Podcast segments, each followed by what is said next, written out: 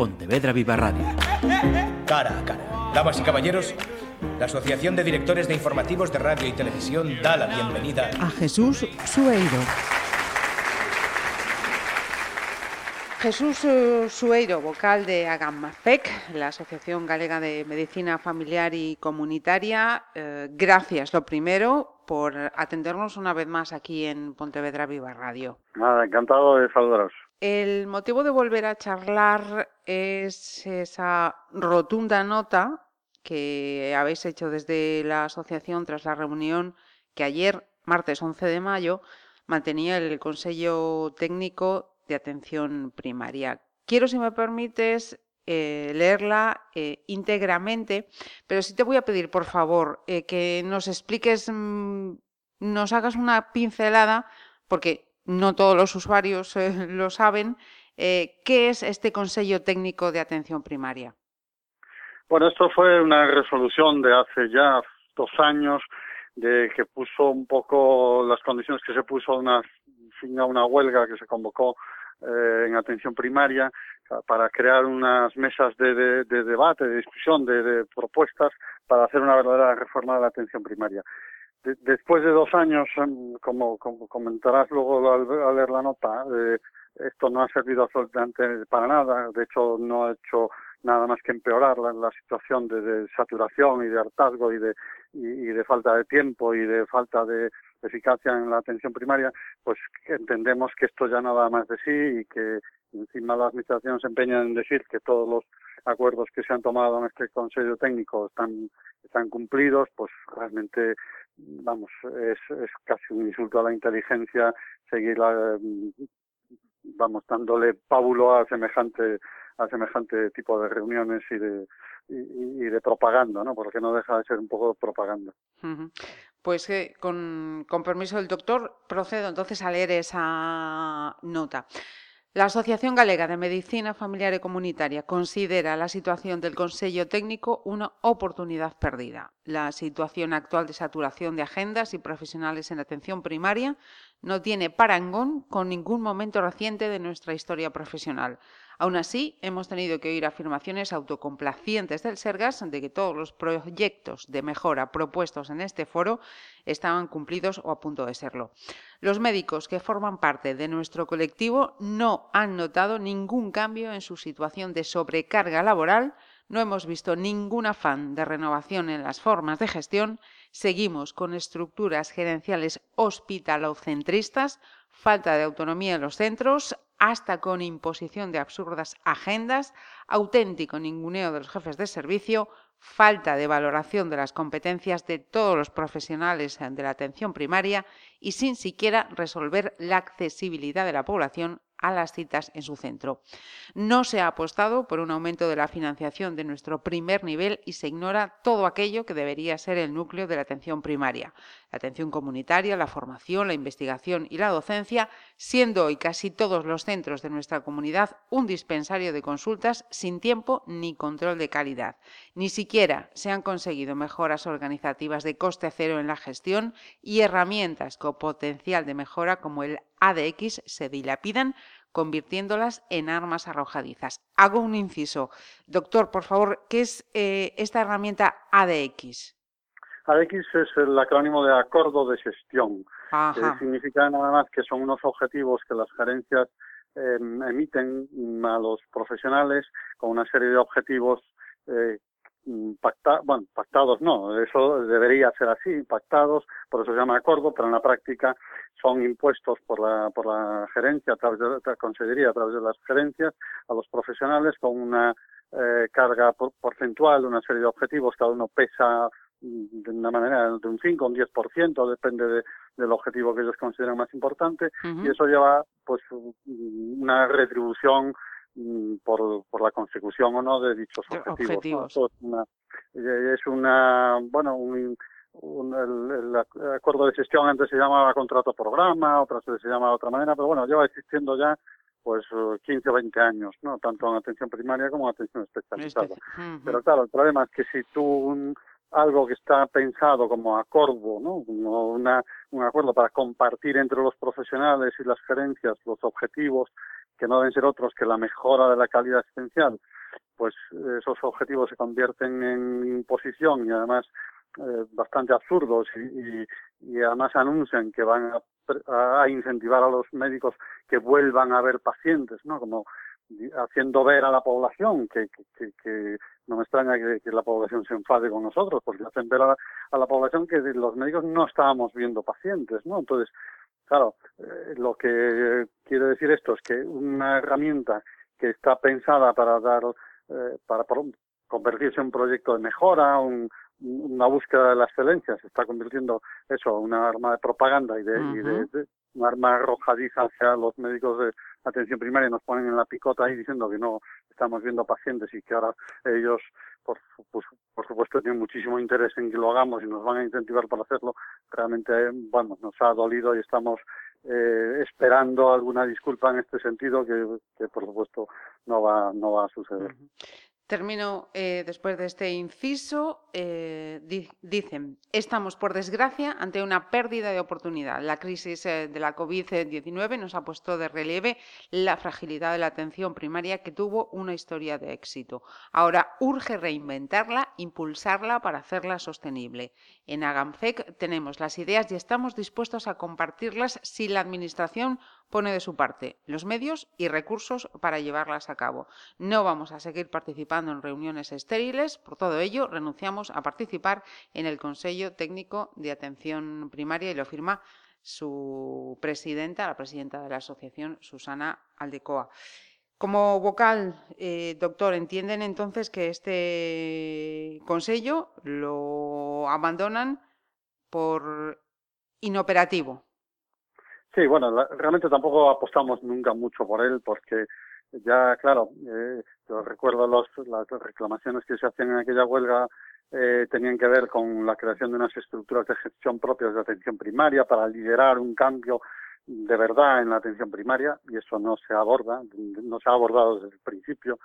Se pedía un 25% de financiación en la atención primaria digamos, el 25% del total del presupuesto del Sergas que fuera dedicado a atención primaria. Esto no es un capricho, es decir, todo lo, lo defienden los grandes gestores, los grandes pensadores de, de la gestión sanitaria y especialistas en atención primaria, ¿no? Y, y seguimos en torno al 13 y hay, hay, hay gerencias, hay áreas sanitarias donde no llegan ni al 11, es decir, estamos muy lejos de esto y es una reivindicación que, que, tuvimos desde siempre y no se aborda, se abordan otras cuestiones absolutamente rocambolescas y que, y que no dan solución a los problemas que hoy tiene la atención primaria, que, que, por supuesto pasa por mayor inversión, pero no no nos vale la disculpa de siempre de que no hay médicos, de que no hay enfermeras, es que hay muchas cosas que hacer y, y muchas pues tienen que ver con pues a lo mejor con las áreas administrativas, con un nuevo perfil administrativo, que eso eh, no nadie me ha dicho que no hay personas para contratar, pero sin embargo no se contratan. Nadie ha dicho que no se puedan hacer cambios en los sistemas de gestión, que haya una, una gestión potente de atención primaria para para de verdad que lidere eh, los procesos asistenciales. Hoy todas las recomendaciones, todos los protocolos, todos los procesos asistenciales parten del hospital.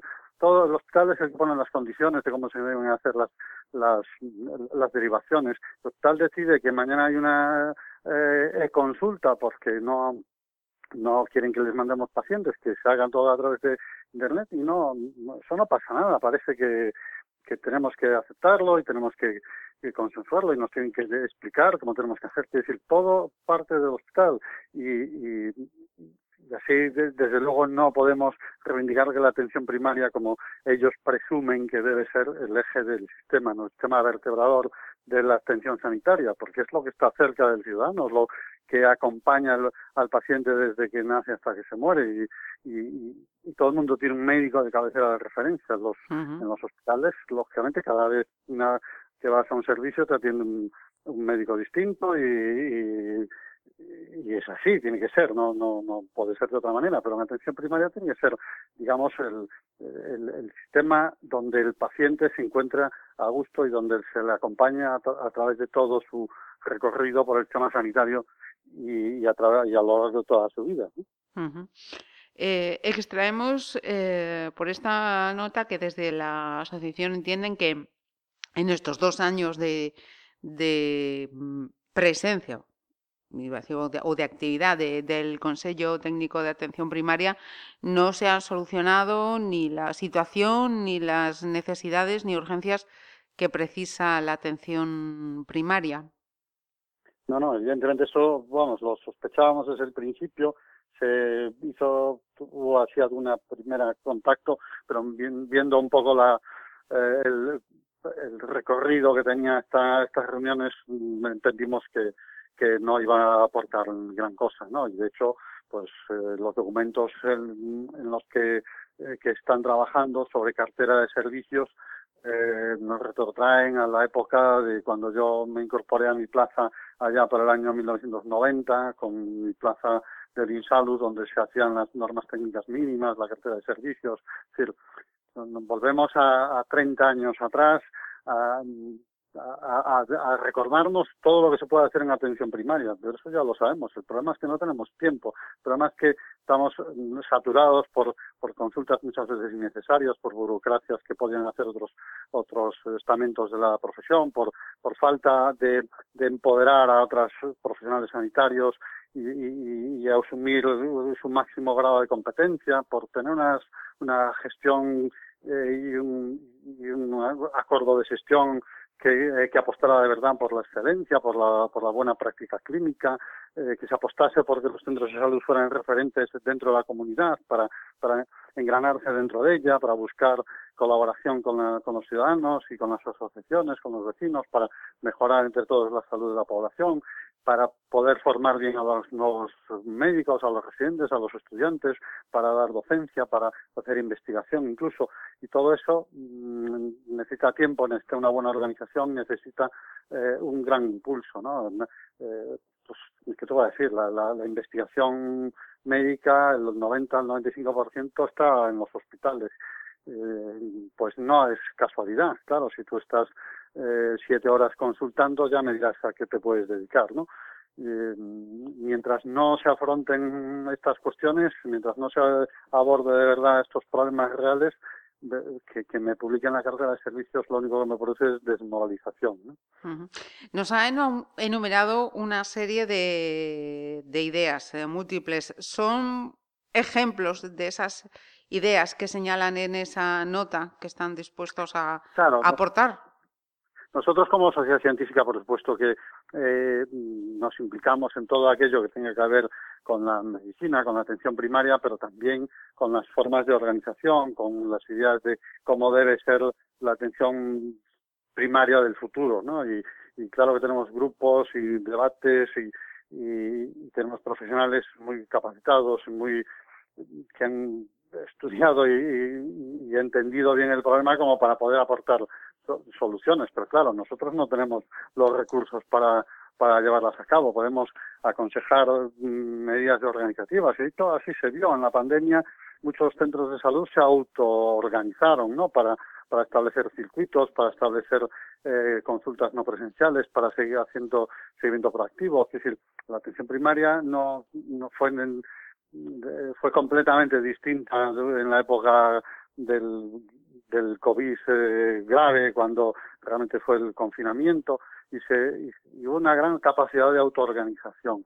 Pero, pero claro, una cosa es la autoorganización y otra ya es querer establecer un, un sistema sanitario y una atención primaria sostenible y, de, y del siglo XXI, ¿no? Que apueste por una, una nueva manera de, de trabajar con, con que cada uno adquiera su máximo nivel de competencias para, para realmente cuando hablamos ahora de las presencialidades, ¿no? De la consulta presencial, eh, lo que debemos buscar es que, claro que haya, por supuesto, consultas presenciales, pero que sean no un porcentaje, sino que sean las que aporten de verdad beneficio a los pacientes y además que tenga el tiempo suficiente, porque de nada me sirve a mí ver eh, un 60 o un 80% de consultas presenciales y solo les puedo dedicar cinco minutos. Eso, no, eso no tiene ningún sentido. Lo que, lo que eh, no no tratamos es de buscar porcentajes, lo que tratamos es de buscar una atención adecuada a las necesidades de, nuestra población, que siempre es una cosa que a mí me gusta recordar, que nosotros tenemos que dar respuesta a las necesidades de la población. Es decir, también tenemos que hacer un estudio dentro de nuestro área de competencia donde está nuestro servicio de atención primaria, las necesidades que existen, que muchas veces no son las necesidades demandadas. O sea, hay, hay bolsas de, de, de, marginalidad, de gente eh, que vive sola, y muchas otras circunstancias sociales que hacen que a lo mejor hay gente que tiene mucha necesidad, pero sin embargo no tiene ni capacidad de demandarla. Y esto también es otra cosa que debemos abordar. Y tampoco se ve que haya por ningún lado un, ningún tipo de iniciativa en este sentido. ¿no? Yo creo que hay muchas cosas que, que, que tenemos que implicarnos y no volver a hacer a cuestiones de hace 30 años que están absolutamente ya superadas y, y, huelen ya a naftalina. ¿no? Me, lo ha, me lo ha resumido en, en tres palabras antes de, de, abrir el micrófono. Lo que hace falta son recursos, tiempo y financiación. Es así, nosotros lo dijimos en su día cuando fue aquella huelga famosa. Hace falta un 25% de financiación para que haya recursos y, lógicamente, si las cosas se hacen bien eh, si, si toda la organización sanitaria funciona mm, y se hacen unas citas correctas y cada uno atiende a su máximo nivel de competencia, eh, yo estoy seguro que como médico voy a tener tiempo para atender a mis pacientes. Pero claro, lo que no puede ser es que le dedique tiempo cuando tenga que hacer burocracias, informes, papeleos y, cosas que son que son absurdas porque las podría hacer otro profesional muchísimo menos bueno menos cualificado que decir con otra cualificación completamente distinta no que, que, que, yo no le aporto nada porque lo haga. Yo no le aporto nada a un paciente por el hecho de que le cubra un papel o le firme una baja o le prolongue una una prescripción no yo creo que hay que eh, evitar la banalización del acto médico y darle todo el valor que tiene, que es tratar de mejorar la salud de la población.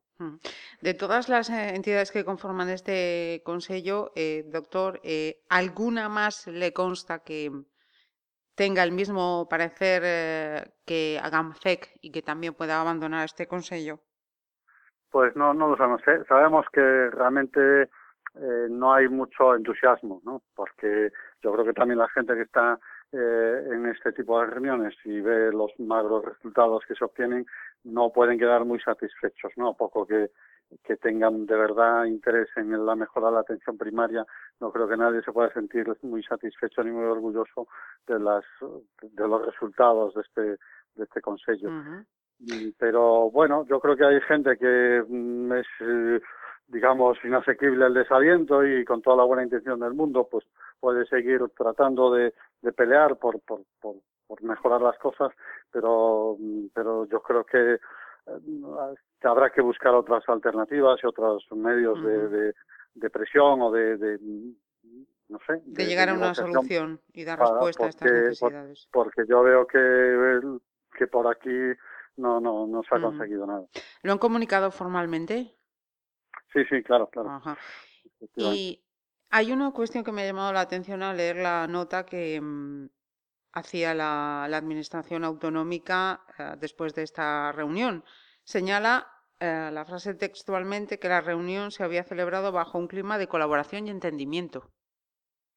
Bueno, yo la, lo que he oído por comentarios que se hacen en las redes y en correos electrónicos, etcétera, mm, no tengo esa información, pero bueno, esto cada uno habla, cada uno fala la feira según yo ¿no? Y entonces, a lo mejor es muy eh, agradable esa mm, esa autosatisfacción y autocomplacencia de decir que todo va muy bien, ¿no? También dicen que está prácticamente todo conseguido. Bueno, pues si atendemos a que todo está conseguido, no me extraña que tengan sensación de que todo va sobre ruedas, claro. Pero la sensación que tenemos nosotros, y, hombre, nuestra asociación tiene eh, más de mil médicos en Galicia y... Bien, perfecto. le, interrumpo porque precisamente quería terminar eh, con eso para que nos hagamos una idea del peso y de la representación que tiene Aganfec. Y perdón por la interrupción. Siga, por favor. Sí, sí, que nuestra sociedad, vamos, es una sociedad antigua, vamos, antigua, desde, el año 78, que se creó cuando se creó la especialidad de medicina de familia, y, nos hemos implicado siempre en la mejora y en la formación de los residentes y, de todos los médicos de atención primaria, y hoy pues tenemos más de mil socios, ¿no? O sea que no estamos hablando de cuatro amigos, ¿no? Yo creo que tenemos una presencia dentro de toda la atención primaria gallega importante y estamos muy comunicados y recibimos información de todas las áreas, de todos los centros y la sensación es la que te transmito, ¿no? Que no la situación mm, nunca había estado peor.